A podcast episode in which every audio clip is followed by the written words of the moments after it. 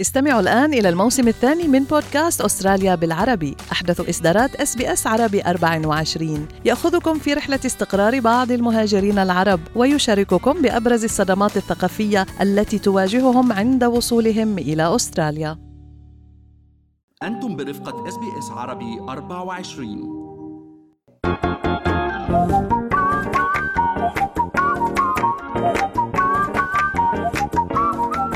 أهلا بكم مستمعينا في حلقة جديدة من بودكاست منوعات من Good Morning Australia سنبدأ بهذا الخبر اللي أعلنه رامي إمام الابن الأكبر لممثل المصري عادل إمام آه، عنه عن أن والده قرر التفرغ لحياته العائلية مع احفاده يعني بتقدروا تعتبروا هذا الخبر اعتزال هادئ يعني وغير صاخب. التصريح آه، جاء على هامش مهرجان Joy Awards بالسعودية. آه، منح عادل إمام خلال المراسم مراسم هذا الحفل جائزة استثنائية باسم زعيم الفن العربي وتسلمها ابنه الأصغر الممثل محمد إمام. الزعيم لم يقدم أي عمل فني منذ ما يقارب أربع سنوات. عرض آخر أعماله مسلسل فالنتينو من إخراج ابن رامي. باعتزال عادل إمام. يعني نحن نحكي هيك الخبر آه، بهدوء يعني كما جاء خبر الاعتزال هادئا ولكنه خبر كبير.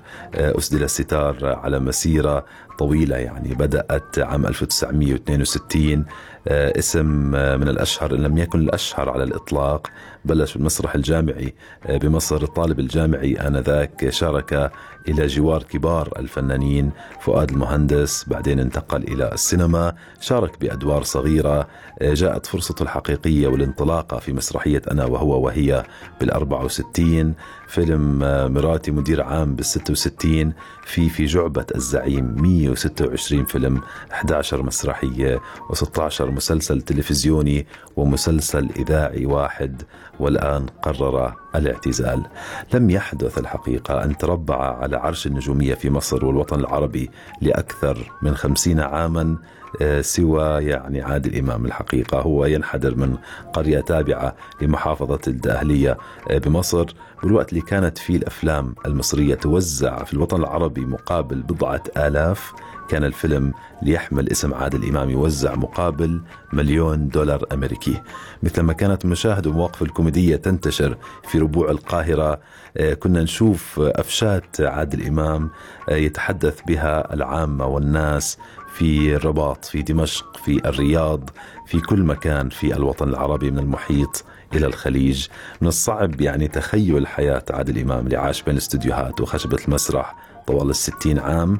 هو مش مجرد ممثل أدى دوره في مسرحية أو فيلم هو كان دكتاتور العمل وصاحب المسؤول عن كل تفاصيله من اختيار النص إلى السيناريو إلى المخرج إلى الممثلين. لم يكن يحق لأي شخص أن يناقشه يعني من الناس اللي كانوا عملوا مع عادل إمام من نجوم.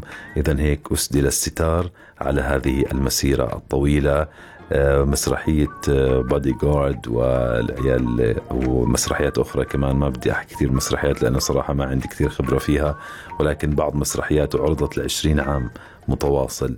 في القاهرة وجالت مدن عربية آه، عدة يمكن مسرحية مدرسة المشاغبين ستبقى محفورة يعني في ذاكرة كثر ممن يستمعون إلينا الآن.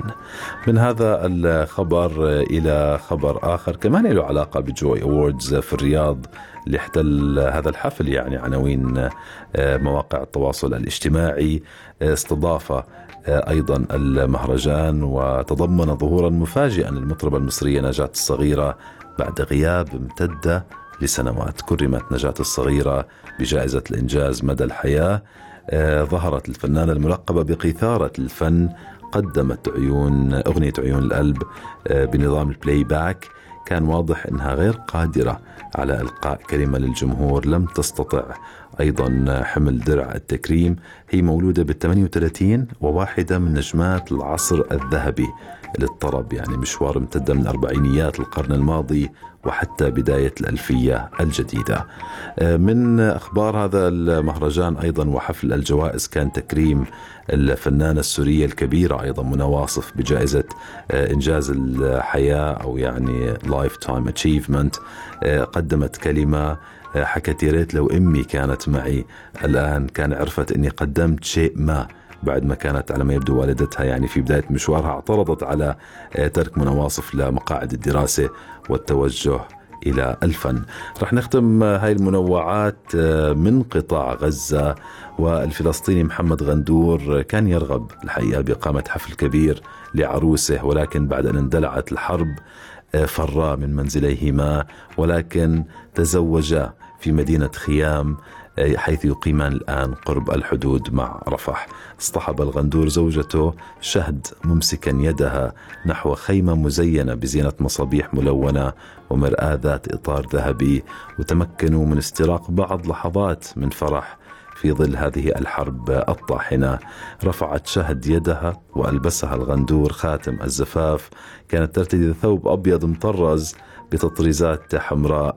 تقليدية إذا حتى في قلب الحرب هناك أمل بمستقبل أفضل. هاي كانت منوعاتنا لهذا الصباح من Good Morning Australia شكرا لحسن الاستماع. وهيك مستمعينا بنكون وصلنا إلى ختام مشوارنا الصباحي. إن شاء الله أني كنت في ضيف خفيف عليكم ببيوتكم أو بالسيارة أو بمكان العمل. وبكرة إن شاء الله بنرجع إلى ترتيبنا المعتاد وبنسمع بترا نتمنى لها الشفاء العاجل. Thank you ليا و thank you for teaching us a new word uh, this morning. انبسطنا كثير بهاي الكلمة سكورتشر هذا اليوم جدا حار. هيك بنسميه بأستراليا. شكرا لكل الزملاء اللي ساهموا في إنجاح هذا البرنامج وفي إعداد فقرات. شكر كبير للزميل سليم الفهد. رافقنا على النشرات الإخبارية وأيضا في قصة مسجلة بدعوكم لإعادة الاستماع إليها.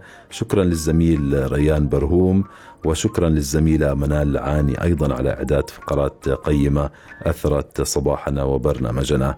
لكم مني أطيب التحيات كنت معكم أنا فارس حسن. خليكم على السمع موسيقى بيت المزيكا لايف وأستراليا اليوم في انتظاركم. دمتم بألف خير ونلتقي غدا صباحا. هل تريدون الاستماع إلى المزيد من هذه القصص؟ استمعوا من خلال Apple Podcasts Google Podcasts Spotify أو من أينما تحصلون على البودكاست